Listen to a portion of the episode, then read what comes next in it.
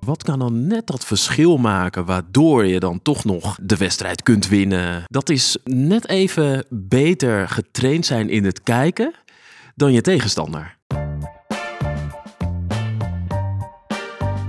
Welkom bij de Slimmer Presteren podcast. Jouw wekelijkse kop koffie met wetenschapsjournalist Jurgen van Tevelen en ik, middle-aged man in Lycra, Gerrit Heikoop. Over sport, onderzoek en innovatie. Voor mensen die hun grenzen willen verleggen, maar daarbij de grens tussen onzin en zinvol niet uit het oog willen verliezen. In deze aflevering praat ik met Jurgen over slimmer kijken tijdens het sporten. Lessen van de ASM Masters of Movement. Je gaat het pas zien als je het doorhebt. Johan Cruijff wist meestal al voordat hij de bal kreeg toegespeeld waarheen hij hem zou pasen. Maar het is nou niet dat hij buitengewoon goede ogen had. Hoe ontwikkelt een atleet zijn kijk- en beslisgedrag eigenlijk? Helpt het beoefenen van andere sporten hierbij? En een VR of andere innovatieve bril? Voor de recentste wetenschappelijke en praktische inzichten hierover staken we ons licht op bij de ASM Masters of Movement. Voordat we beginnen, nog even drie dingen om aan te denken als jij zelf ook slimmer wilt presteren. Nummer 1. Druk nu gelijk even op abonneren, zodat je altijd direct in de gaten hebt wanneer er een nieuwe aflevering online komt. Nummer 2. Weet dat je Jurgen en mij ook kunt boeken voor jouw volgende bijeenkomst als spreker of presentator. Neem gerust eens contact met ons op via de contactgegevens hieronder. En 3. Deze podcast wordt geproduceerd en gesponsord door Live Online Events. Serieus goede content rondom jouw congres of event. Check www.loe.tv voor meer info. Jurgen, goedemorgen. Hey, Gerrit, goedemorgen. Het is zomervakantie 2023, maar seizoen 7 is afgelopen, maar we hebben een bonus voor het Athletic Skills Model. Toch maar even voor de mensen die uh, recent zijn begonnen met het luisteren van de Slimmer Presteren podcast. Inmiddels dit, is dit een vierde voor hun, vierde of vijfde denk ja. ik dat we daar uh, komen. We spraken ooit met een van de twee oprichters van het uh, Athletic Skills Model, professor Geert Savelsberg. Dat vond hij zo leuk dat hij ons heeft uitgenodigd in zijn community bij de Masters of Movement bijeenkomsten om daarbij bij aanwezig te zijn. En dan door middel van een podcastaflevering daar een verslag van te maken. En dat uh, gaan we nu ook doen. Mm -hmm. Athletic Skills Model, hoe leg je aan mensen uit wat dat is in twee zinnen? Uh, breed motoren, motorisch opleiden. Eigenlijk een, uh, een, ja, een theoretisch kader waarin nou, ja, wat, wat je kunt hanteren uh, bij het uh, aanbieden eigenlijk van of, of mensen beter leren bewegen. Daar gaat het ja. om, hè? Ja, vooral in allerlei sporten, uh, voetbal, hockey, tennis, hardlopen, ja, fietsen, maar dus topsporters, maar ook eigenlijk mensen die aan het revalideren zijn, kinderen. Ja. Van hoe word je eigenlijk de beste beweger? ja. Ja, ja, en precies. dat is inderdaad een vast onderdeel, is toch breed opleiden, verschillende sporten dat dat een uh, belangrijk onderdeel is. Ja. ja. ik verwijs je naar alle andere afleveringen rondom uh, bijvoorbeeld de ASM Masters of Movement die we al gemaakt hebben, of de uit, uh, aflevering met Geert Savelsberg zelf. Hij maakte dat, of hij bedacht het Athletic Skills Model samen met René Wormhout. Mm -hmm. Dat is de kracht- en conditietraining nog steeds, trainer nog steeds bij het Nederlands elftal. Ja. Die zagen we ook weer bij deze bijeenkomst. En je kan je dus laten opleiden in dit model. En als je die opleiding hebt voltooid, word je uitgenodigd. Of in ieder geval, dan heb je toegang tot de Precies. Masters of Movement ja. bijeenkomsten. Uh, vier keer per jaar. En uh, 23 juni waren wij in Amsterdam en gingen we het hebben over kijkgedrag. Ja. In deze aflevering ga je een aantal fragmenten horen die we daar hebben opgenomen. Met onder andere Geert Savelsberg zelf. Met de keynote spreker van die avond, David Mann. En met de aanvoerder van de avond, Gregory Sedok. Die uh, leidt uh, die avonden en is daar ook natuurlijk zelf altijd aanwezig. Altijd leuk om met hem even te kletsen. Jij hebt actief deelgenomen, Jurgen. Dus ik zal jou zo ook eens bevragen naar jouw ervaringen. Dat is goed. Maar laten we snel beginnen met het begin. En dat was de vraag die ik aan Geert stelde. Van goh, Geert, Athletic Skills Model en kijken. Kijken is nou niet een van de tien grondvormen nee. van bewegen. Waarom moeten we het hier vanavond over hebben? Ja, kijkgedrag is uh, natuurlijk uh, heel belangrijk. Ik bedoel, uh, zonder visie maar, ehm, kunnen wij eigenlijk niet bewegen in deze wereld. Maar een beetje de idee vanuit het ASM, dat is toch waar je indirect naar vraagt. Wat is nou de relatie met ASM hierin? In ASM beschouwen wij ehm, het bewegen en de waarneming onlosmakelijk met elkaar verbonden. Doordat jij beweegt, neem jij waar. En doordat jij waarneemt, kan je weer bewegen bijvoorbeeld uh, een, een mooi klassiek voorbeeld wat ik altijd noem bij de studenten is: je zit in de trein en de trein naast jou gaat bewegen. En je weet eigenlijk niet of jij aan het bewegen bent of die trein naast jou. die sensatie is heel sterk en dat komt uh, in veel meer situaties voor. Nou, ASM uh, hebben die koppeling van waarnemen bewegen, dat is punt 1. En twee, we streven naar transfers. En ook die transfers, ja, die hoop ik vandaag weer in het praatje van het evenement tot dat naar voren gaat komen.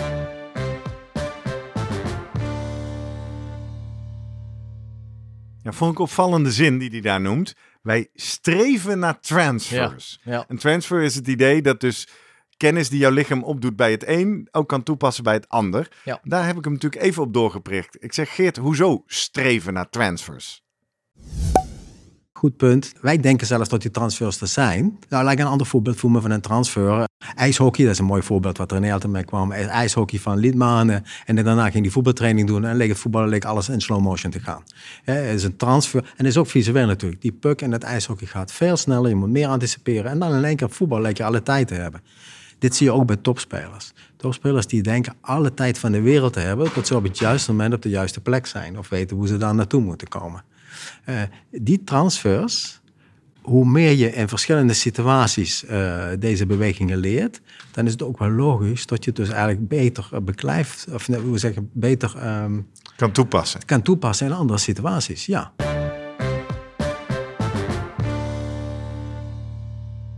Ja, precies. Dus je kan goed leren kijken in een andere sport. En als je het lichaam dat dan kan, dan kun mhm. je dat ook toepassen in je doelsport of in de sport waar je heel goed wil worden. Ja, en dan, dan, herken ik, of dan denk ik meteen aan twee dingen. Enerzijds geeft hij aan ijshockey versus voetbal. Dus dat je op deze manier, ja, eens even uh, meer out of the box of hogere snelheden, hogere dynamiek. Kijk, bij het voetbal kun je natuurlijk op een kleiner veld of van, ja, uh, noem maar op, dat het allemaal wat sneller gaat. Maar dit is natuurlijk even een stukje extremer. Totaal andere snelheden praat je dan. En de tweede is natuurlijk de afwisseling gewoon, ja, moet je altijd weer voetballen? Nee, het is leuk om eens een keer een andere sport te doen en zo. Nieuwe prikkels, nou, ja. past het wel bij. Wat is nou die term voor dat voetballen op een klein veld? Ja, uh, small Small-sided... Small-sided pitch, ja. Want daar werden ze ook een beetje moe van. Hè? Er was ook wat kritiek. Zeg, ja, als je dat de hele tijd gaat doen, dan leer je vooral voetballen op een klein veld. Maar je moet ook juist de ruimte gaan zien. Dus ook daar weer werd het betoog uh, gemaakt vrijdag. Met als nadeel inderdaad, van dan leer je alleen inderdaad op een klein veld. En dan leer je misschien juist alleen maar heel beperkt te kijken. Alleen naar degene die heel dicht bij je weer vrij staat, zeg maar. Dus je kan ook nou ja, een negatief transfer hebben, zeg maar. Ja, ja dat is, precies. Uh, ja. Waar ik ook aan moet denken als hij zegt het belang van kijken. Ik uh, volg uh, sinds een jaar, jaar Max Verstappen ingestapt. Mm -hmm. de Formule 1 we hebben nu ook recent, hè, dat die Alonso, die, is natuurlijk ook reet ervaren. 42 ja. jaar al, zit al jaren in die auto. Die kijkt dus op de tv-scherm oh, ja? onderweg. En dan maakt hij dus commentaar op wat hij zijn teamgenoot ziet doen. Dus die heeft zoveel mentale capaciteit over. Om ook gewoon nog via de tv schermen de wedstrijd dat tijdens de race dan? Ja. Oké. Okay. Op een gegeven moment kwam hij op de radio laatst. Zei hij, uh, goede inhaalactie bij uh, die, die oh, bocht. Dat is dat hoe dan? Jezus, gewoon op tv Heeft hij een tweede schermpje of zo? Uh, ja, nou. Maar goed, dus die heeft echt tijd over. Zoals ehm, Geert dat noemt. Ik vroeg nog aan Geert. En nou, ik vroeg gewoon gericht naar iets wat hij deelde. Ook op de bijeenkomst. Een mooi voorbeeld. Hoe kun je dat kijkgedrag dan trainen? Ja. Kwam hij met een mooi voorbeeld uit de hockey voorbeeld wat ik ook aanhaal, waar ik zelf bij betrokken was geweest, dat we bij, bij hockey, bij de strafcorner. Kijk, heel vaak uh, de keeper volgt vanaf het begin de bal en uh, kijkt naar de stopper en dan komt de pusher die de bal geeft. Wij weten uit onderzoek van ijshockey dat eigenlijk alleen maar de houding van de stick eigenlijk bepaalt waar die, uh, in dit geval de bal, maar daar de puck naartoe gaat. De keepers bij ijshockey letten eigenlijk alleen maar op de stick, want de puck is veel te snel. Die is al bij ze, bij wijze van spreken, tot ze momenten hebben. Dus daardoor kunnen ze anticiperen waar die puck gaat. Dat idee deden wij eigenlijk naar hockey toe brengen. Maar toen dachten we ook van, ja, waarom moet je die bal volgen? Want die bal gaat altijd naar de kop van de cirkel. En je weet eigenlijk al tot de spelers te staan. Dus je weet eigenlijk ook wel waar hij naartoe gaat. Dus het is gewoon zinloos. Het is beter om je hoofd daar heel stabiel te houden. En wat hebben jullie toen gedaan? Nou, nog even een probleem wat je daarmee hebt is, als iets beweegt in de perifeer, ah. hebben wij de neiging om daarna te gaan.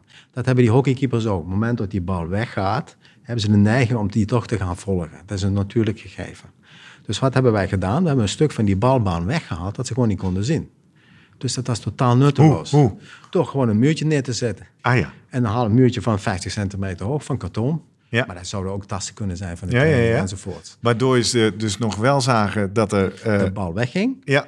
Ze zagen de ontvangst van het, maar ze konden toen de bal wegging, konden ze eigenlijk al meteen gaan kijken naar de kop van de. Want de bal komt nu ieder moment aan. Dat kun je zelfs een beetje in je hoofd hebben, wat die tijd is. Ja. En dat geeft jou meer tijd om goed te uh, stabiliseren met je ogen op die stick. En dat is een voordeel met het, uh, met het stoppen van de, van de corner.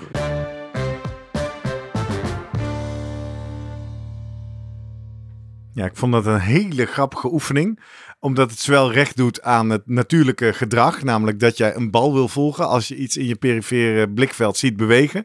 Anderzijds dat je ook ehm, door dat weg te halen kan leren om meteen naar de volgende stap te kijken. Ja, en volgens mij liet hij ook nog toen even een grafiekje zien. Ja. Een taartdiagram was het misschien. Ja. Waar ze gekeken hebben van hoeveel tijd spendeer je nou van de totale tijd waarin je aan het kijken bent als keeper naar die stand van de stick. En dat is natuurlijk, oh ja, even uitleggen, eye tracking, dat, dat kwam regelmatig naar voren. Hè? De wetenschappelijke onderzoeken waarbij eigenlijk... Zetten ze een brilletje op en kunnen ze meten waar jij naar kijkt. Ja, als sporter. En dat kunnen ze redelijk nauwkeurig doen. En uh, hij liet, uh, volgens mij ging het uh, echt van normaal als die dan, die keeper logisch, dan volgt hij eerst die baan vanaf de achterlijn natuurlijk.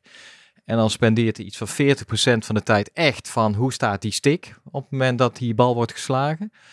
En dat wordt verhoogd naar uh, 80, 80, misschien uh, iets boven de 80 procent zelfs. Ja, enorm. Daarmee maar aangeven, ja goed, alle nutteloze uh, kijken, nou die hebben we niet nodig. Waar gaat het in dit geval om? Ja, is puur alleen die stand van de stick. Idem dito, hè, dat vertelde Geert volgens mij ook bij de strafschop. Ja, wat, wat gewoon voorspellend is, waar de schutter eigenlijk de bal, in welke hoek die trapt, is puur... De, de tenen van het standbeen, toch? Ja, precies. En uh, ja, eigenlijk moet een keeper alleen maar daarop letten. En vandaar dat er allerlei trucjes nu ontstaan van uh, uh, de strafschopnemer die dan gaat een beetje huppelen, een beetje trappen. en die wil dat niet van tevoren een beetje laten zien.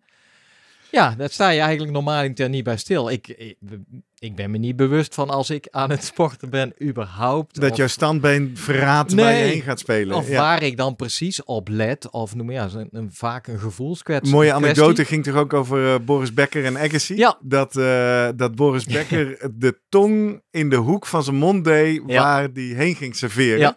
En dat Agassi dat op een gegeven moment door had, maar dat aan niemand had verteld. Nee. En heeft pas later inderdaad heeft hij dat verklapt eigenlijk van waarom was je return zo goed bij, uh, bij Becker? Nou ja, keek gewoon even hoe die zijn tong hield. Ja, ja. dat zijn die, die visual cues of zo noemen ze dat. Hè, in die Advanced cues. Wat een beetje aangeeft, ah, het zou wel eens, uh, ja, nou, dit, dit, dit is in ieder geval, hij geeft hiermee aan dat hij voor die en die hoek gaat. Of, uh, hey, dat trainen met stukken weghalen. Jij zat ook na het college in de deep dive in het praktijkgedeelte. Ik begreep, daar werd ook gespeeld met allerlei vreemde brillen. Hè? Wat heb jij ervaren? Ik heb er drie op gehad eigenlijk. Uh, nou, de eentje daarvan is de befaamde, want die is wel vaker in het nieuws geweest, die stroboscopische bril. Dat was een tijdje in het nieuws, ook met die keepers die het gebruikten. Ik denk een paar, vier, vijf jaar geleden. Ik weet dat... Uh, Wesley Koloff, de, ja, de hele goede Nederlandse dubbelaar, eerste, tweede nu op de ranglijst volgens mij. Die vervent liefhebber van. We hebben het ook voor uh, Sportlab Sedok toen uh, even over nagedacht van ja, willen we, hè, nieuwe luisteraars. Ja. Sportlab Sedok is het tv-programma van Gregory Sedok en jij zit daar ook in ja. als zijn wetenschapper.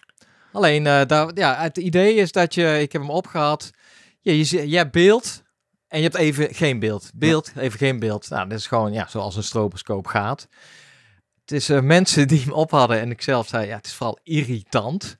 Maar het idee is eigenlijk dat als een bal op je afkomt, nou, je hebt het even beeld, even niet, even daar, omdat jouw hersenen bij wijze van spreken gaan invullen die stukjes waar ze geen beeld van hebben. En dus, nou ja, dat je je hersenen uitnodigt daardoor. balbaanherkenning gaat verbeteren, denk ik dan. Hè? En, uh, en, en wat er dan, nou, zo'n Wesley Kolf is echt, die, die oefent er veel mee. Wat, Wesley Kolf ken ik niet. Nee, Wat dat is, is uh, dubbelaar, uh, tennis. Tennisser, ja. oké. ja. En uh, ja, nou, de, de, zo, de zoon van Yuri Kolov, de voetballer. En dat is één, ja, deze staat echt, volgens mij is die tweede op de ranglijst voor dubbelspelers. Um, hij oefent daar veel mee, ja, een beetje in de voorbereiding. Dus nou niet dat hij dat tijdens het uh, spel echt dan opzet bij een wedstrijd. Met het idee, volgens mij beschrijft hij wel eens van, ja, eerst dan, uh, nadat je die bril dan afzet, nou, dan komen die ballen als meloenen, komen ze op je af. En dan, uh, ja, dan gaat dat het retourneren of het, het, het volleerspel zoveel makkelijker. Dat is wat beschreven wordt. uit wetenschappelijk onderzoek is eigenlijk, zeggen ze, ja, uh, we kunnen daar nou niet zien dat je daarna echt ja, uh, lange termijn ja, een, een beter reactievermogen hebt. Op alle manieren kun je dat meten natuurlijk. Ja, waar, ha waar mm raak je de bal mm precies, mm et cetera. Dus hij houdt een beetje op van ja, een heel tijdelijk moment van je zet hem af en daarna heb je het gevoel van ja, hey, ik raak ze gewoon lekker. Ik zie het beter, maar dat is binnen, nou, no time weer. Korte termijn effect. Dat is jammer. Ja. Ik herken het uit het zwemmen. Wij moeten wel eens techniekoefeningen doen, toch? Mijn favoriet is een baan zwemmen met ah, vuisten. ja. Dus je handen tot vuist maken en dan zwemmen. Dat is natuurlijk heel awkward, dan heb je helemaal mhm. geen uh, druk. Die baan daarna, dan voelt het als toch alsof je kolenschoppen hebt om het water weg te doen. Maar ik herken ook idee, dat dat effect inderdaad maar kort beklijft. Want op het moment dat je dan weer even normaal gezwommen hebt, is dat gevoel weer weg. Dus dat is één voorbeeld. De andere was een brilletje waarbij de, eigenlijk de onderkant uh, ja, dicht was gemaakt. Zeg ja, de helft van het glas. Hè? De onderste helft van het glas was uh, dicht. En dat is vooral uh, handig, of tenminste nadelig, als jij bijvoorbeeld gaat hockeyen. Oh ja. Voetballen. Want dan kijk Basketballen ook toch, uh, werd er aangegeven. Ja, zeker. Want dat je, dribbelen moet je buiten je zichtveld doen. Precies. En uh, nou, op die manier uh, kan jij dus mensen toch aanleren om, ja, dat, dat zie je, nou ja, het is belangrijk basketbal, voetbal inderdaad, om niet de hele tijd op je voeten te gaan kijken. Maar om je heen in de omgeving te kunnen kijken. Dus ja, ik vond het inderdaad best gek als niet-hockeyer van, dat ik denk, maar dan ga je toch stiekem er een beetje onder of boven kijken. Zo ben ik dan ook wel. Ja, het zijn gewoon toch manieren, denk ik, om uh, ja, je ogen en dan natuurlijk meteen daarna ja, die hersenen uit te dagen van zoek, zoek weer eens een oplossing. Ja. Van uh, hey, bied, uh, ja, bied, bied beperkingen nou, aan waardoor dat lichaam weer op zoek gaat naar van manieren om te kijken ja, hoe, ja, hoe kan ik hier eigenlijk een slimme oplossing vinden? En het is een mooi bruggetje naar The Man of the Hour die avond. David Mann, ja. dat is van origine in Australië. De volgende fragmenten zullen dus ook in het Engels zijn. Ik hoop uh, dat je dat uh, mee kan volgen. Want die vertelde ook een voorbeeld. Die, legde eigenlijk, die had drie onderwerpen waar hij het over had. Uh, beslissen, ja. Uh, visuele routines en uh, virtual reality. Gaan we het alle drie met hem even over hebben. Maar dat beslissen is eigenlijk best wel gek. Want je dacht, hoezo beslissen? We gingen het toch hebben over kijken. Maar hij zegt nee, kijken is fundamenteel voor beslissingen maken in het spel. Ga ik links, ga ik rechts, ga ik harder, ga, uh, tactiek en anything. En hij begon dus ook een anekdote met een basketballer. Die dus altijd in de jeugd en op college altijd een top basketballer was. En nu zat hij in de NBA en mhm. kon die niet zo goed mee. Ja. En toen werd hij gevraagd, kijk eens of er iets mis is met zijn ogen. Ja. En toen zei hij, nee, er is helemaal niks mis met zijn ogen. Er is waarschijnlijk iets mis met zijn basic skills. Ja. ja, hij kan waarschijnlijk niet zo goed dribbelen.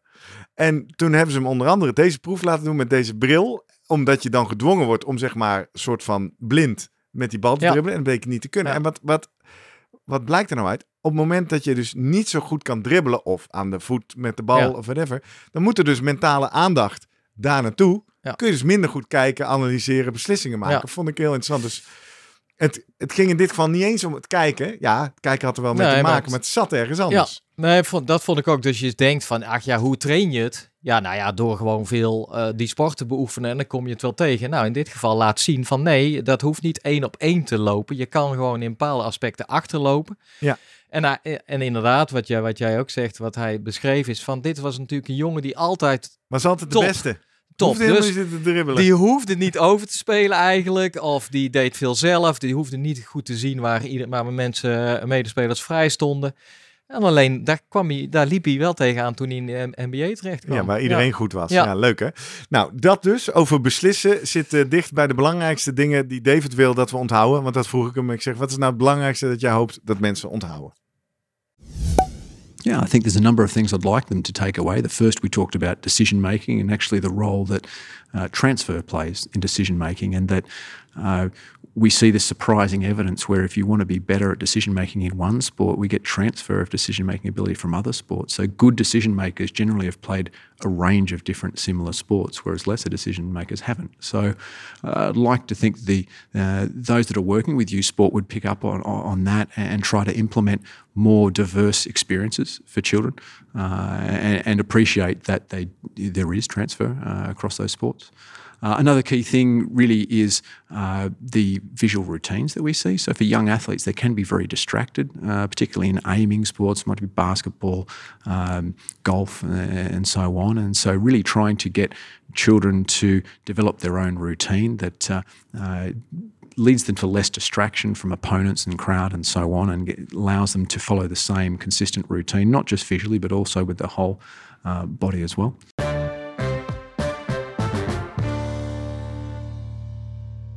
Ja, even bij dat eerste punt beginnen. Gaan we zo door op die visuele routines.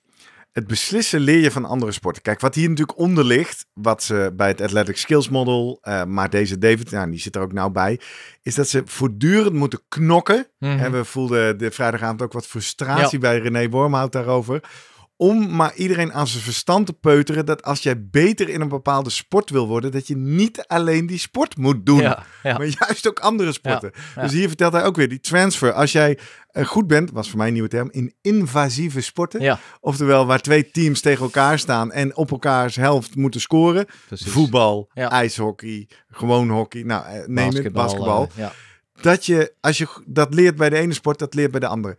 Dat vind ik nog best wel logisch. Geldt ook voor netspelen, tennis, badminton, volleybal.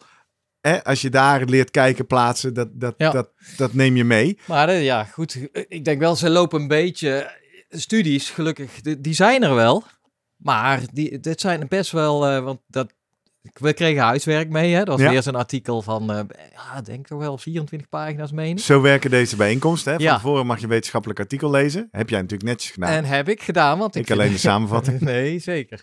En hij, uh, hij gaf een korte samenvatting. Nou, wat ze gedaan hebben, want hoe kom je hier nou achter? Hè? Eigenlijk, tuurlijk, we hebben in het verleden al meerdere malen gezegd, en die wetenschapsstudies die, die blijven mee uitkomen van kijk nu naar de toppers in, in Olympische sporten, van wie raakt de top. En vraag ze dan terug, of kijk uh, met, met ze op terug van hoe was jouw, jouw carrière als, als jeugdige sporter? Heb je meerdere sporten gedaan? Wanneer ben je eigenlijk gespecialiseerd in die sport? Ja, dan blijkt toch eigenlijk wel steeds weer consistent van, nou, dat uh, de, de duurzame manier van een, een topcarrière opbouwen is van in je jeugd meerdere sporten doen. Kan ook gewoon in, uh, in, in, in speelse vorm, gewoon op pleintjes met vriendjes, noem maar op. En pas vanaf nou, 12, 13 hangt een beetje natuurlijk van de sport Dat is ook een feitje wat hij deelde over de voetbalacademies. Ja. Dat hij zei, op straat wordt meer gescoord. Ja. Dat straatvoetballers beter leren kijken, dynamiek maken dan op de voetbalacademie waar al heel vroeg gespecialiseerd wordt. Klopt. En, en, en dus eigenlijk denk vanuit de wetenschap, iedereen zegt ja, breed opleiden, meerdere sporten en pas echt vanaf een bepaalde leeftijd zeggen en nu gaan we specialiseren. Ja, dat geeft uiteindelijk op de lange termijn een, uh, ja, het beste resultaat voor een topsportcarrière. Maar ja, aan de andere kant heb je de praktijk inderdaad van, uh, uh, van, van de, de, de voetbal instituten of de sportbonden of de ouders met name. Ja, met name ouders. En die willen allemaal vroeg scoren en denken hartstikke leuk, mijn kind heeft op de achtste weer een beker erbij of noem maar ja, op. Dus je moet nog meer ja. voetballen, hockey, hardlopen. Maar goed, ze hebben nu, het is een studie American uh, Football. Stuk een, uh, Australian voetbal. Oh, Australian voetbal, ja. ja. Hele aparte tak van sport. Ik, uh, ja, een beetje een elliptisch veld, hè. Het ja. is een beetje rond. Het is een vorm tussen voetbal en rugby, als ik het goed begrijp. Nou, wat ze gedaan hebben, ze hebben gewoon een groep, grote groep eigenlijk van die professionals. Die hebben ze eerst aan een aantal coaches gevraagd van oké jongens, als jullie nu moeten beoordelen van het kijk- en beslisgedrag, wie zijn er goed in en wie zit er echt aan de onderkant. Mm. Nou, twee groepen gemaakt. Ja. Wel even gecheckt, ook in eh, echt eh, eh, in, in, in, in een onderzoek van of dat wel klopt. Want die, die coaches die hebben ja, Ja, ja. die Eerst natuurlijk subjectief, daarna ja. gevalideerd. Ja. Dus wat ze gedaan hebben, ze hebben beelden laten zien en dan eh, op een groot scherm, dan dat beeld stilgezegd en dan ten eerste gevraagd, oké, waar stond iedereen? Benoem dat. Dus, nou, en Mhm. ten tweede, waar denk je wat de volgende actie wordt? Waar gaat die bal naartoe? En dat bleek helemaal goed overeen te komen met het feit van ja, sommige Zij waren echt de beste Ja. kijkers en beslissers. nou, en dan gingen ze terug en dan hebben ze uitgebreide interviews gehouden. Ja, dat geeft me aan van, ja, dit- ik denk dat de uren hebben gezeten. Want die, die mensen moeten ook allemaal even terug naar hun jeugd. Hoe zag je jeugd eruit? Wat, wat deed je eigenlijk voor sport? Wat deed je dan? Met wie ging je eigenlijk eh sporten? Nou ja. En dat allemaal geanalyseerd op een rij gezet. En, nou, en, en, en dan komt eruit van het aantal uren wat zij daadwerkelijk aan dat Australian voetbal hebben besteed, is eigenlijk voor die twee groepen precies hetzelfde. Ja. Maar waar zit dan het verschil? Is dat die, eh, de groep die met het goede kijkgedrag, die heeft gewoon meer sporten gedaan. Bij hun kwamen ze uit op 2,6 sporten, zijn best wel veel. En eh, David eh, legde ook uit, ja, kijk wat het gewoon is in Australië, een seizoen, ook voor dat voetbal, duurt maar zes, duurt zes Ja, maanden. Nou, ja. daarna ga je logischerwijs andere sporten Ken doen. ik ook uit Amerika, uit de high school sports. Ja. Ik heb natuurlijk een jaar in Amerika op high school gezeten. En daar heb je ook alle sportseizoenen duren maar een trimester. Ja. Dus je doet sowieso al in een jaar, tenminste ik, ik was daar heel sportief. Dus ik deed sowieso al drie sporten, omdat ik gewoon Ja. altijd wilde sporten. Ja. En het ene hield op, dus je begon aan het volgende. Nou, en eh, in dit geval eh, hebben ze nog even gecheckt welke sport. Inderdaad, de inva- invasion sports. Dus nou, de- wat je zei, eh, heb je veel gevoetbald, heb je gebasketbald, noem maar op. Ja. Netjes op een rij gezet. En daarbij eh, kwam inderdaad naar voren, daar zat dus het grote verschil. En ze hebben gewoon meer uren in andere sporten doorgebracht. En dan, eh, nou, dan is altijd weer de discussie, is het nou eh, eh, deliberate practice? En dat is eigenlijk dat model van Eriksen van de 10.000 uren regel. Ja. Of is het deliberate play? En eigenlijk zijn ze allebei zijn even belangrijk. Waarbij je eigenlijk het verschil dus hebt bij deliberate practice. Dan ga je echt naar een club. Heb je een trainer die uitlegt van dit zijn de oefeningen, dit Mhm. moet je doen. Deliberate play is gewoon, nou, je gaat naar het, het, het trapveldje om de hoek. Je gaat wat doen. En je gaat wat doen zonder toezicht ergens. wel maar goed wel dat je dat je tussendoor een, zegt eh, dat allebei belangrijk ja, is. Hè? ja. Want het lijkt nu net of we af en toe voetbalacademies of trainers die Ja. in een sport zitten afbashen. Ja. Dat is natuurlijk niet zo. Dat het is gaat niet om zo. en en. Maar wat, wat toch het grote verschil daarin zit, zeggen ze altijd van met deliberate practice, is toch zoiets van je bent daar om jezelf te verbeteren, om te leren, Mhm, om, mhm. te ontwikkelen. Bewust, hè? Dat, Mhm. daar, daar bemoeit iemand zich mee. En deliberate play zegt ze, ja, dat, dat doe je voor de lol. Maar ja, je hebt vrije tijd, je als Ja. kind. Ja. Nou, als je er niks aan vindt, dan loop je wel weg. Ja. Dus dat daar die lol-factor, die fun-factor, die- en dat, dat nemen zij natuurlijk, past ook heel goed in het ASM-model. Ja, dat dat ook uiteindelijk wel een hele belangrijke factor is waarom als je toppers vraagt van waar, waarom ben je zo ver gekomen of wat vind je zo leuk aan trainen? Ja, ik vind het gewoon leuk. Ik vind het leuk om te doen. Ik vind het Ja, leuk om te fietsen. dat is toch het te- belangrijkste. ja, Ja. ja. Ik heb inmiddels, want eh, mensen die trouw luisteren naar de Slim Presteren podcast en naar deze ASM-verslagen, het begroot mijzelf ook wel een beetje vragen. Het wordt wel ergens ook een herhaling van zetten. Ja. Dat komt natuurlijk ook omdat eh they preach for the choir. Daar zitten allemaal mensen die zijn er al in getraind. En de, nou ja, wat ik zeg, er komt al een soort frustratie van waarom snappen Ja. andere mensen dat niet. Dus ik dacht toen, oké, je hebt het nu over topsport, je hebt het over kinderen. Hoe kan ik dit op mezelf toepassen? Stel nou, ik ga op weg naar 29 oktober, de Brabant Marathon. Hoe zou ik nou een eh, ASM ingerichte marathon trainingsprogramma doen? En het grappige is, ik ben dat nog na afloop even aan Geert gaan vragen. Ja. Daar was hij niet één op één uit. Nee. Eh, omdat dus ook, eh, ja wacht even, maar marathonlopen is natuurlijk ook niet zo heel veelzijdig bewegen. Hè? Is, is vooral natuurlijk uithoudingsvermogen. Eh, ik heb René nog niet, nog niet de kans gehad om René te spreken. Ik denk dat die daar misschien wel meer ideeën Ja. over heeft. Sprak wel Jan Braam. Die zei, wij hadden precies bij het eten dezelfde discussie. En de eerste hints die, die Geert al wel gaf is, nou ja, kijk, het draait natuurlijk vooral om aerobe vermogen. Dat is Mhm. hoe je marathon natuurlijk Ja. eh, moet trainen. Eh, Guido Vroemen zegt dan, ja, alleen door te lopen word je beter in lopen. Nou ja, als je alleen maar loopt, raak je geblesseerd. En toen kwam wat, nou, Ja. Geert, vermogen kan je ook op andere manieren opbouwen. Bijvoorbeeld fietsen. En dan, dan ben je natuurlijk al, wat je al wel ziet, dat ze bij die toplopers al zeggen, als je op een gegeven moment aan je maximale belastbare uren lopen zit, ga maar bij fietsen. Louis uh, de La is Ja, Niel, Niels van der Poel. hè? Ga maar gewoon je aerobe bouwen op 7 uur fietsen en dan schaatsen. Dan heb je transfer of condition, heet het dan, hè? in ASM. Maar hoe zit het dan met kijken coördinatie? Hè? Word je daar nog beter van? Ik zei tegen Geert, moet ik dan op zo'n balansbal de hele dag gaan staan of zo? Nou, zei, weet ik niet of je daar echt beter van gaat hardlopen. Hij zei, wat je wel kan helpen, ga maar trailen. Ja. Ga de bossen maar in. Ga de heuvels maar op en af. Want dan, hè, die heuvels op, dat is al extra kracht. heuvels af trouwens ook, is ook voor spieren extra belasting. En je moet daar met wortels en kuilen de hele tijd kijken, anticiperen. Ja. Word je een betere beweger van. Ja. Dus ik denk aan onze Nienke Brinkman. Ja, komt er ook uit het trailen. Ja, dus uh, dat is uh, voor mijn komende ja, maanden. Dan ga, je ga lekker, ik nog uh, actiever hier de heuvels opzoeken ja. en nog meer de wortel klimmen. En dus dat is wel een maniertje om dit toe te passen. Want dat is wel interessant. Ik weet, waar kijk jij naar als jij aan het hardlopen bent, zeg maar? Hoeveel, want je, je gaat niet op je voeten kijken, Nee, toch? ben ik me niet bewust van. Nee, ja, nou, ja, nou, om me heen kijken, hè? Ja. Dus ik lees shirts, ik kijk publiek, ja, dat vooral. Ja. nee. Ik ga even snel door. Uh, dan komen we hier zo weer op terug. Visuele uh, routines is het andere wat David zei.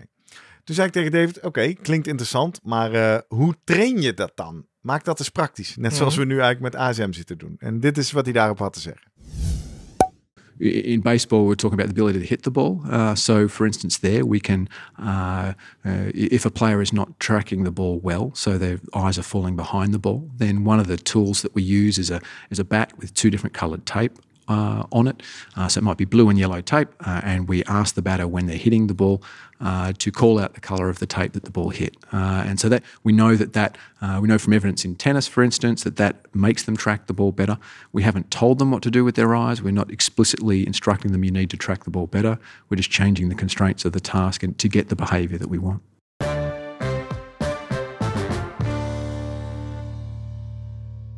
Dat is interessant, hè? Ja.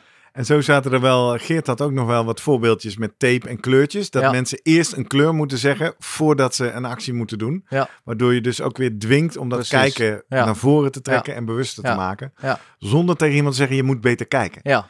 Dat zagen we natuurlijk ook in al die data en die studies. Het gaat over millisecondes. Hè? Dat kan je helemaal niet bewust sturen. Ja, dat is dat altijd ook die discussie die daar met impliciet, expliciet leren. En ja. Uh, nou ja, goed. Dat, uh, als jij een, een, beweging gaat zeggen, nou, je moet bijvoorbeeld een, een precies met, uh, nou, eh, je, je arm naar achter onder die hoek en dan moet je je lichaam iets naar voren hellen. Ja, dat werkt gewoon niet. Dus je moet eigenlijk gewoon op een andere manier het lichaam weer uitnodigen van, nou, zoek Zoek die oplossingen op. Zoek een eh, oplossing en dan leer je het. Ja, het zijn mooie voorbeelden. Met name dus door dingen weg te halen. Of door dingen toe te voegen en extra opdrachten te geven. Ehm, ik ga zo komen terug bij David Mann over zijn onderzoek naar uh, virtual en augmented reality. Ik ging eerst even naar de aanvoerder van de avond, Gregory Sedok. En dan vraag ik altijd vaste vraag aan Gregory. Gregory, jij luistert en kijkt mee. Wat heb jij nou uit vanavond gehaald?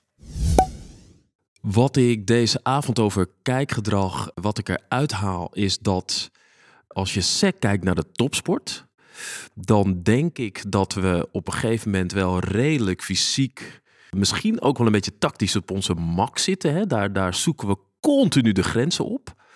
En als je het hebt over wat kan dan net dat verschil maken, waardoor je dan toch nog de, de wedstrijd kunt winnen, dat is net even beter getraind zijn in het kijken dan je tegenstander dat is toch wel de allerbelangrijkste les die ik, als ik puur naar de topsport kijk, die ik er vandaag heb uitgehaald.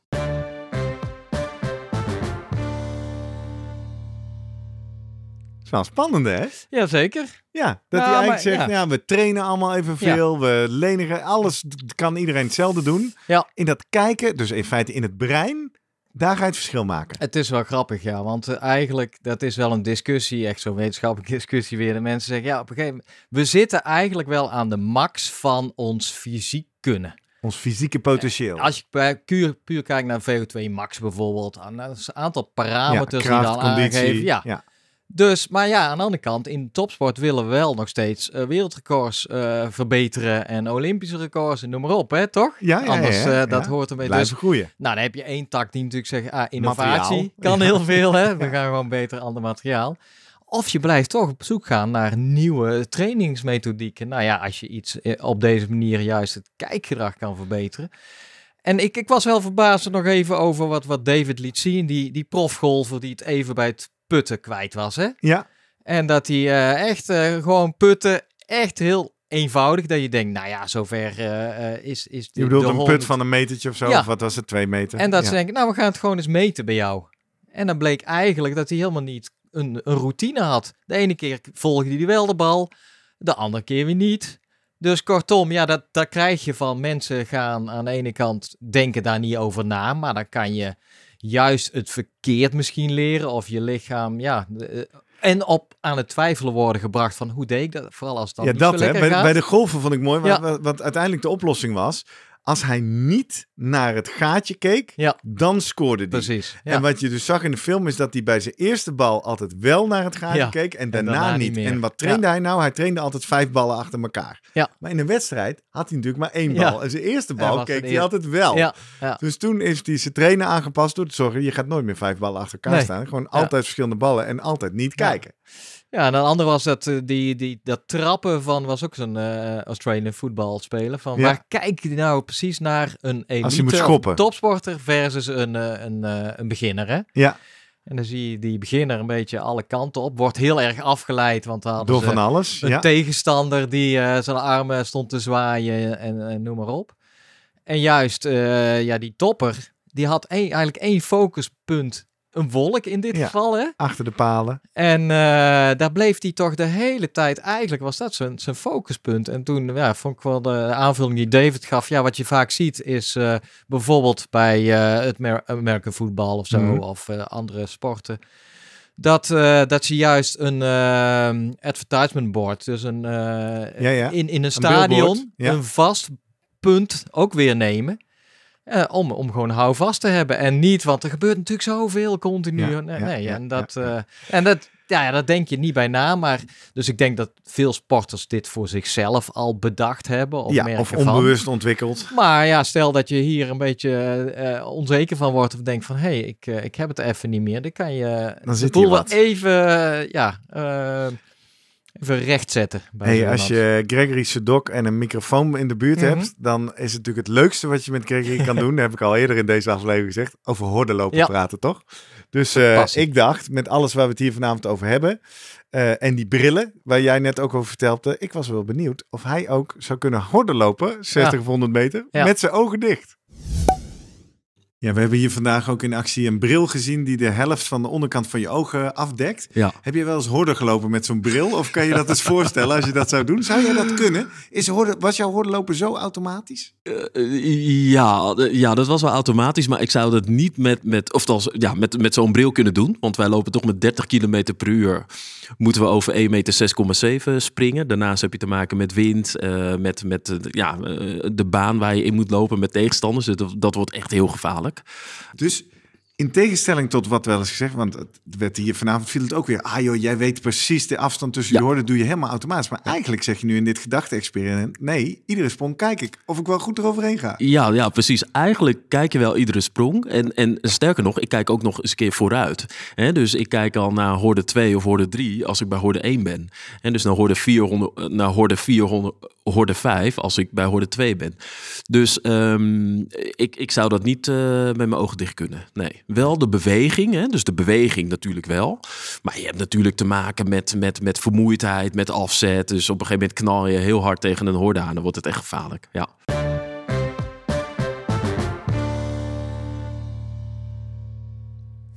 Vind dat zo leuk hoeveel lol hij ook krijgt hè, als hij over horden mag praten. Wat een gepassioneerde man.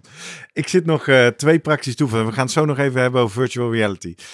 Dat eh, zo'n brilletje met eh half kijken. Ik, Ja. Wij zijn dan duursporters. En wij doen dan hardlopen en fietsen en mountainbiken. En dat is binnen dat athletic skills model zijn wij ook echt een soort slemielen natuurlijk. Want wij bewegen echt heel simpel. Zei Geert al in die aflevering. Maar nou zagen we vorige week Mathieu van der Poel. Ja. In het Nederlands kampioenschap. Jij weet al meteen waar ik het over heb, toch? Iedereen die het eh, gemist heeft. Er ligt op een gegeven moment een bidon op de weg. Die ziet hij. En hij ziet hem niet alleen. Hij kan hem ook met zijn voorwiel even Ja. van de weg tikken. Ja. En ik dacht meteen, hey, dit heb ik wel eens eerder gezien. Dit heeft hij ook wel eens met een steentje gedaan. gedaan. Ja, precies. En dan pleit dat toch maar weer voor diversiteit. Want Mathieu van der Poel is geen wielrenner. Nee. Die is veldrijder. Ja. Die is mountainbiker. Die is het niet alleen in zijn jeugd, maar nu ook voortdurend op allerlei manieren aan het fietsen. Ja. En dan zal Geert zeggen, ja, maar het is allemaal fietsen, is allemaal gaan. Ja, maar ik hij denk heeft wel... gevoetbald. Ik denk dat hij hier Ja, dat is waar. Hij heeft ook gevoetbald. Van, uh, ja. Maar het is natuurlijk wel, bij het mountainbiken uh, heb je veel meer je ogen nodig om je weg te vinden, om bulten, hobbels, uh, dingen te ontwijken dan op een wielrenfiets. Nee, vond ik. Zullen wij eens gaan. Kijk, bij mountainbiken en ook bij wielrennen is toch ook altijd. Kijk de bocht door. Kijk niet naar het achterwiel van je voorstander. Dus dan moet je eigenlijk ook met zo'n brilletje met een half dicht glas. Volgens mij liet ze dat ook zien, hè? Van die de schaatsers. Ja. Kijk oh, in de bochten. Ja. Dat, de, de, de, toppers ander versus de, ja, de niet-toppers. Ik moet zeggen, dat is iets waar ik wel eens actief aan denk. Jij? Ja. Echt? Af en toe. Ja, Op zeker. fiets, toch? Bochten doorkijken? Ja, ook als een soort, uh, ja, route, waar, waar moet je precies aan denken of zo? Nou ja, uh, vooral, nee, vertelde al, laatste in de Pyreneeën, zo'n afdaling. Ja. Nou, ja, dan moet je echt wel even goed bewust zijn. Ja, maar als je niet oplet, kijk je naar de apex, hè? Oftewel, kijk je naar de binnenbocht, want daar moet je naartoe sturen. Maar je moet er dus eigenlijk doorheen kijken. Ja, ja. Want je moet eruit. verder kijken, ja, precies. Ja, mooi, ja, Nou, we hebben toch een klein linkje als slemiele duursporters hier binnen ASM. Um, nog één onderwerp wat we niet geraakt hebben. En uh, daar kwam David ook een beetje mee in tijdnood. Dus daar kunnen wij nog een boompje over opzetten. Jij hebt namelijk met Sportlab Doc en Gregory veel naar VR-oplossingen gekeken. Ja. David doet daar ook onderzoek naar. Dus ik vroeg hem als eerste: goh, wat, wat moeten we daar nou over weten? So it's being used quite a lot, particularly in America, where obviously the uh, the market is quite big there. Uh, so uh, we see it used uh, quite a lot now in, in American football. Uh, so where the players have to learn a broad range of different patterns that they, and plays that they will run. Uh, so we know that the, the teams will use them there to learn those plays. what does it look like? So the player has a virtual reality environment in yes. front of them yep. and they he sees the pattern of the other players or yeah, they have to yeah, move Yep. So sometimes they might be able to, to move in that pattern themselves. Sometimes they're just observing it, mm-hmm. uh, so they can see in 360 degrees what the pattern looks like. Mm-hmm. Absolutely. Mm-hmm. Yep. yep. Yeah. So that's NFL. What yep. other examples do we have? Yeah, we see it used in in basket. Uh, sorry, in, in baseball, uh, where uh, teams in the in the Major League Baseball league are basically uh, preparing for opponents by watching the opponent pitcher. So typically, batters will face a different pitcher every day. Uh, they might not never have faced that picture before. Uh, so the night before, uh, they can uh, put the virtual reality headset on and they'll be able to bat in a virtual environment against that pitcher. So see footage of that specific pitcher and the trajectories that that pitcher uh, throws and try to hit them. So they can familiarise themselves with opponents. We're seeing it increasingly used in football. so one example here in the Netherlands is that there are companies that can reconstruct games. Uh, so essentially, a player who might have made a poor decision in a game, uh, the coaching staff can sit down with them, put the virtual reality headset on, put them back into that environment, replay the situation, allow them to see what they saw, and ask the player, "Why did you make this decision? Can you, you know, what what do you see here? What led to that? Is there anything else you can see? If you had your time again, what would you do?" Uh, so really try and reconstruct and get and provide some more thought on, on you know the uh, kind of decisions they made within the game and what they would do next time. Yeah, absolutely. And is there already some scientific exploration on that, or is this just experimental stuff in practice? Where are we? Yeah, there's absolutely. So the uh, the science is in its early stages for virtual reality. The, the, early science has really been focusing on whether skills learned in virtual reality result in changes in skill. Uh, in uh, on court or, or uh, you know, in, in, the real life task. And so we've done a number of those studies ourselves and generally find that there are differences. So, for instance, uh, one study with uh, the Tennis Federation here in the Netherlands, we were teaching uh, young players where they should look uh, when returning a serve. And so they're training in virtual reality. And then when we test them on court, we find that they have changed where they look uh, as a result of the virtual reality training. So, yeah, the, the, evidence is starting to grow that it's an effective means of, of uh, improving skill. Cool. Exciting stuff. David, thank you so much. No problems. Thanks.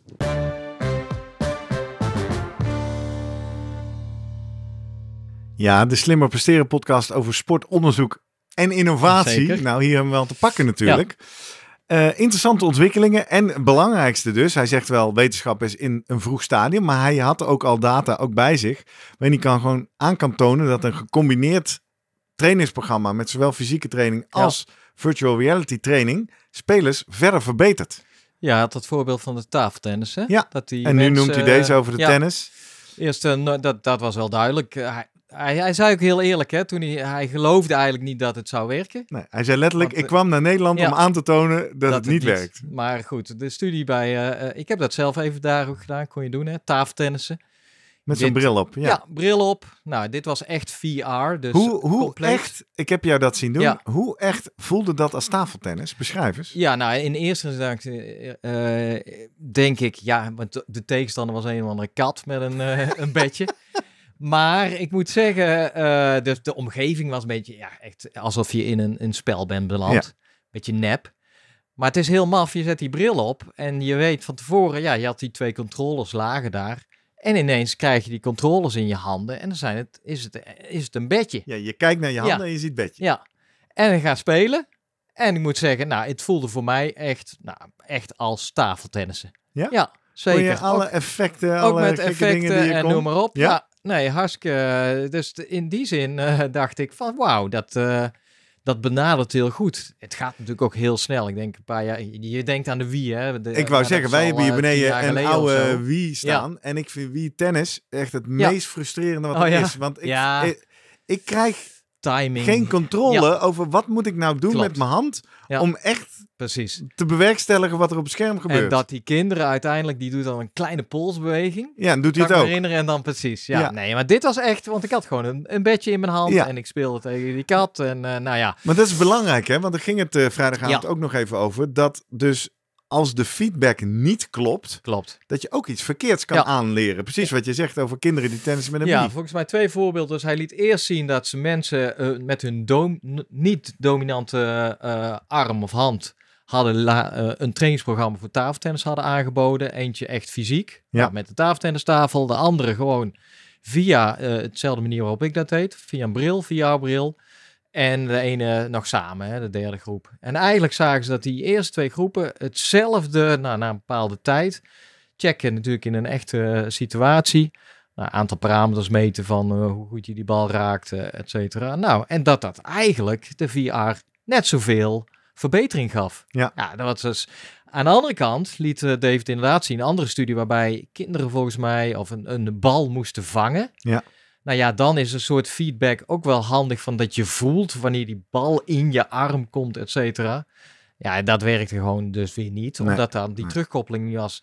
Was volgens mij ook een vraag die iemand zei, ja, maar dan moet je, eh, eh, moet je toch ook het geluid meenemen Ja. en eh, dus die Toen proprioceptie. kwam er nog een feit- interessant wetenschappelijk feitje naar boven. Ja. Want de, de kritische vraag was inderdaad, maar veel eh, sporters werken toch ook met hun oren? En wat zei Dave toen? Nee, hij vond dat toch niet... Hij had een studie, sloeg hij Ja. die man mee terug om zijn oren, dat het eh 90% visueel was. Ja, Hè? ja. Verbaast mij ook bij enigszins. deze eh, zeker, ja. Dus nou ja, Ligt goed. misschien aan wat voor sport? Ja, ja. Nee, maar dat en, eh, vond ik ook wel. we hadden nog even over dat, dat die. nou ja, nog even terugkomend op. Moet je goede ogen hebben? Ja. Eigenlijk dus niet. Hè? Was natuurlijk ook een, eh, een voorbeeld van eh, dat brilletje wat ik even op had. Dat was een derde bril. Ja, ja. de blur met blur vision. Eigenlijk is het hetzelfde, alleen nog het extreme als ik mijn bril afzet. Dus ik Ja, of ik van, een nou, bril op. Ja. hier voel ik me wel prettig onder, maar dit was met extreme sterkte dan. Ja. Dat ze dus met, eh waren cricketspelers, hè, liet ze Ja. dan eigenlijk betten. Nou, pas als je volledig blind bent zo'n beetje, ja, dan gaat het mis. Maar alles daarvoor, Het gekke was dat in eerste instantie gingen ze zich beter, Ja. hadden ze betere performance met een bril die hun zicht enigszins vertroebelde. omdat hij, en dan was een beetje de uitleg dat hij dacht, ja, ze gaan dan extra even focussen. Ja, Ze hebben iets op de nieuws, taak gaan even, en op ja, wat je moet zien. Ja, ja, ja. daarmee maar aangeven. En, en daar ook de voorbeelden van. Nou, er zijn genoeg. Ja, volgens mij een zwemmer was het, maar zelfs een boogschutter die echt eh, bijna blind is. Ja. En gewoon hartstikke de top in hun sport. Ja. Zeg maar dat je. Dan zijn we weer terug bij het kijkgedrag. Eh, even nog op VR. Wat ik nog een hele interessante observatie en inzicht voor mezelf ook vond, is dat we hadden het over de grenzen van het fysieke. Eh, dat is natuurlijk ook qua belastbaarheid en trainingsuren. Ja.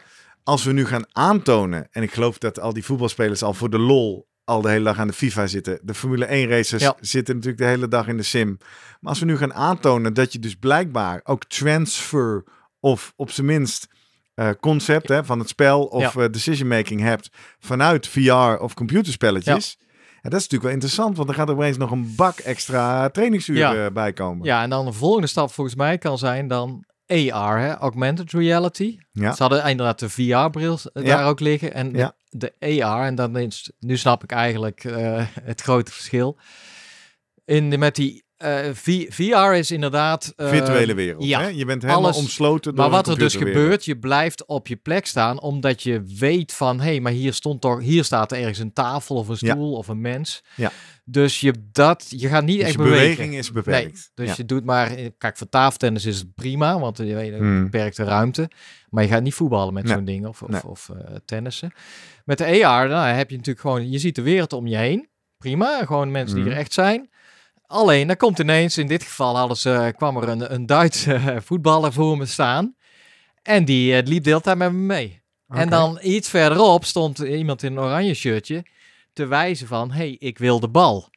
Ja, en dan op die manier ga je natuurlijk wel uh, ga je bewegen. Je probeert die, die Duitser van je af te schudden. En dat was in die hoek in de gymzaal? Ja.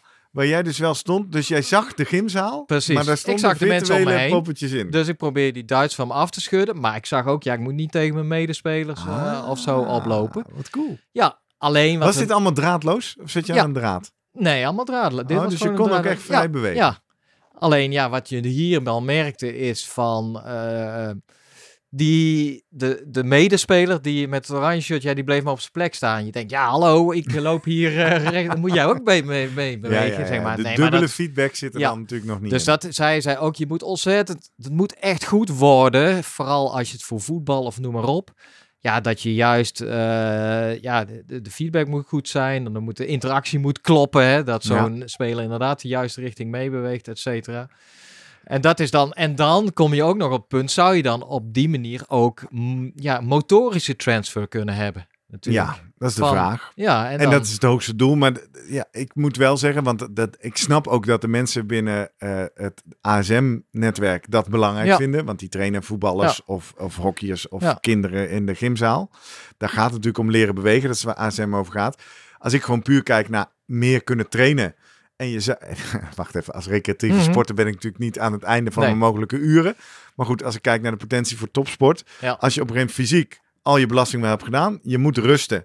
En je kan dan nog wat transfer of decision maker, transfer of concept, transfer of spelinzicht. Ja. boeien dat dat nog niet het bewegen ook verbetert. Het is al heel veel winst, toch? Ja, maar het is een beetje voor geblesseerde spelers bijvoorbeeld die rustig aan moeten doen. Of, uh, en dan zijn we wel best rond, zelfs in onze duursportwereld van jou en mij. Want uh, ja, jij en ik swiften geloof ik allebei niet. Maar dat is natuurlijk al een soort virtuele niet virtual reality, maar in ieder geval al gaming geïntroduceerd in je duursport, waardoor het motiverender aantrekkelijk wordt.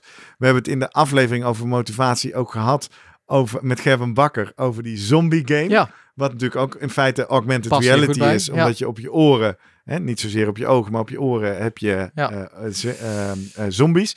En veel mensen vragen of we het eens een keer willen gaan hebben over die brillen, waar de zwembrillen, Waarbij oh je dan allemaal data aan de binnenkant van je bril krijgt. Dan weet ik niet wat dat precies is.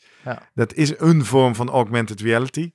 Vrees dat er nog niet zoveel wetenschap over is. Ja, dit vind ik een beetje een, uh, een klassieke Google Glass bril. Gewoon heb ik het idee. Ja, gewoon informatie in Maar de vraag is dus, ga je harder zwemmen als je real-time feedback krijgt over je tempo? Ja, nou ja, dat... Uh, Kijken of er een studietje over is. Kunnen we het over hebben? Nou, nog maar, ik denk dan nog wel even over het KNLTB-project, wat, ja? wij, uh, wat Gregory noemde. En wat uh, David ook zegt, ja, wat, wat je dus kan, dit biedt... De tennisbond, hè, is de ja, KNLTB. Uh, twee manieren waarop uh, eigenlijk gedacht wordt van, nou ja, stel Botik en vertel een Griekspoor of Tim van Rijthoven, de toppers, die hebben een wedstrijd in het verschiet tegen Djokovic of, of een speler die ze verder eigenlijk niet kennen. Ja, dan kan je natuurlijk beelden gaan kijken van zo iemand. Maar je kan hem ook voorbereiden specifiek op die service. Door eigenlijk te weten van uh, ja, beelden in te laden. Of mhm. in ieder geval en die dan aan te bieden in het, uh, in het virtuele beeld. En van tevoren gewoon eens even ja, laten oefenen van oké, welke visual cues geeft dan die tegenstander, waardoor je weet van... Uit, ja. Heeft hij zijn standbeen naar links of naar rechts? Uh, maar je kan je ook als voorbereiding gewoon lekker in, in de soort warming-up nog even van even, even snel uh, dat, die, dat kijkgedrag decision mee opwarmen. En het andere was natuurlijk dat ze zeiden, de jeugd. Ja, hoe leer je de jeugd eigenlijk van hoe ze moeten kijken? door eigenlijk eerst te monitoren hoe doen die toppers het. Nou, in het, uh, bij, bij de uitzending van, van Sportlabs Doc wordt dat ook uitgelegd. Gregory in eerste instantie weet niet zo goed waar hij precies moet kijken. Mm Kijkt als, denk ik, een, uh, een nieuweling een beetje of een mhm. jeugdige speler. Naar heel veel verschillende aspecten. Maar uiteindelijk gaat het om een paar dingen waar die toppers naar kijken. De schouder, stand van de schouder. Hoe staan de, de voeten precies? Uh, stukje opgooien misschien. Ja. Dat je recht boven je of achter je of noem maar op. Ja. Kijk, als je op die manier dit al kan laten zien aan, uh, aan de jeugd of anderen van, nou, let hier eens op. Of uh, ja, dan kun je ze een beetje in die hun kijkgedrag ook weer sneller trainen. Ook trainen. Ja, dus dat zijn, vind ik wel mooie, uh, mooie ontwikkelingen. Waar het hier weinig over ging, maar David Mann noemt het net wel in zijn eerste zin van zijn laatste antwoord. Um, virtual reality content maken mhm. Is echt verschrikkelijk duur. Ja, ja. Dus uh, het is mooie toekomstmuziek. En dan zegt hij inderdaad bij de Amerikaanse topteams in de NFL en de Major League Baseball, waar mega veel geld om gaat. Misschien wat uh, voetbalclubs eh, begint dit te komen. Het is nog niet voor de gemiddelde tennisvereniging die de jeugd nee, opleidt, helaas. Nee, moet toch even mee wachten, ja, klopt. Ja, maar het is, uh, zoals we weten met technologie, die wordt altijd uh, kwadratisch goedkoper, hè? exponentieel goedkoper. Dus uh, ja. uiteindelijk zullen we onszelf misschien ook op de VR-brillen zitten. Leuk, mooie aflevering. Um, heb jij nou concreet dingen die je meeneemt hoe je anders gaat kijken? Ik ben me in ieder geval een stuk bewuster van. Dat is één. En het andere is dat, ja, nou ja, is goed. Kleine persoonlijke kwestie natuurlijk. Ik ben een, een stuk van mijn linker oog zie ik slecht, of eigenlijk ja. niet. En uh, dat af en toe stoort me dat nog een beetje. Vooral als ik dan met jou ga padellen of. ja, ja, ja. Ging een paar keer goed tegen het glas aan. Maar dat uiteindelijk hey, zegt... Geert, hoor je het? We hebben gepadeld ja. met elkaar. Ja, ja. Zij David legde ook uit, ook van zijn onderzoeken, nou... Hij zei ja, oké, dat, dat kan even, uh, even lastig voor je zijn, maar uiteindelijk kan dat, is dat brein toch het brein zo plastisch dat, dat. Het, je hoeft echt niet topogen te hebben om een, een goede beweger te zijn. Dus, Kijk, dus dat geeft jou weer vertrouwen. Ik, ja, ja. Ik denk dat we meer moeten experimenteren met dingen weghalen. Bijvoorbeeld ook bij het zwemmen. Hè, in open water zwemmen is al vaak het weg. Dus misschien moeten we wat vaker in de zwemtraining op maandagavond baantjes met de ogen dicht doen. Ja. Nee, dat zou interessant zijn, hè? Ja. Leren rechtdoor zwemmen. Ja. Wel een beetje gevaarlijk misschien, maar allemaal tegelijk dezelfde kant op. Of gewoon in een uh, in, in, ja, in open water met heel veel wier of uh, noem oh, ja, maar je toch al niks ziet. Ja. Hey Jurgen, ik ga jou een hele fijne zomervakantie wensen. Ik ga onze luisteraars een hele fijne zomervakantie wensen. En alle mensen van de Athletic Skills Model Masters of Movement Community die dit luisteren ook een fijne zomervakantie wensen. Ik zeg je nog één keer hoe je ons kan bereiken deze zomer met ideeën, vragen, suggesties, anekdotes, uh, uh, lofzangen, fanletters, alles mag je sturen. Kan op een aantal manieren. Via uh, @slimmerpodcast op Instagram en Twitter en LinkedIn. Ga ons daar alsjeblieft volgen. Dan weet je meteen wanneer de nieuwe aflevering na de zomerbreak, de eerste van seizoen 8, weer online is. Je vindt daar ook deze aflevering, die kan je hartjes geven op, of op reageren. We hebben ook www.slimmerpodcast.nl. Daar vind je van iedere aflevering een eigen pagina, ook van deze. Die link die kan je natuurlijk oppakken en rondmailen of door WhatsAppen of rondsturen naar mensen voor wie deze aflevering ook interessant is. Of je kan ons mailen via post.slimmerpodcast.nl met alles wat je maar bij ons kwijt wil. Normaal gesproken duurt het al even voordat we rustig die mail beantwoorden. Ik denk nu in de zomer. Nou, uh, wie weet. Als je snel bent, ik ben er deze week nog, maar uh, anders, uh, nee, we, we, lezen het altijd. We komen er vanzelf een keer op terug. Jurgen, dankjewel. Goeie vakantie. Ja, ja. goede vakantie. Tot en tot seizoen. in augustus. Tot okay. volgend seizoen.